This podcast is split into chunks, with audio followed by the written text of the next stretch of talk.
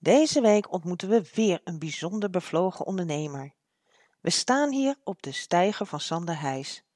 En dit is de plek waar hij zijn favoriete hobby beoefent. Toch? Vertel, ik ben benieuwd. Dat is vissen. En met name karpervissen. Vanaf mijn jonge jeugd werd ik door mijn moeder meegenomen naar de waterkant. En ja, best bijzonder hè, dat je met je zesde met je moeder gaat vissen. Maar ook die was het met de paplepel ingegoten. En met name vissen voor de pot. Palingen werden s'avonds opgegeten. En ook in mijn jeugd gingen de nodige paling mee naar huis. Later ging ik meer op karper vissen.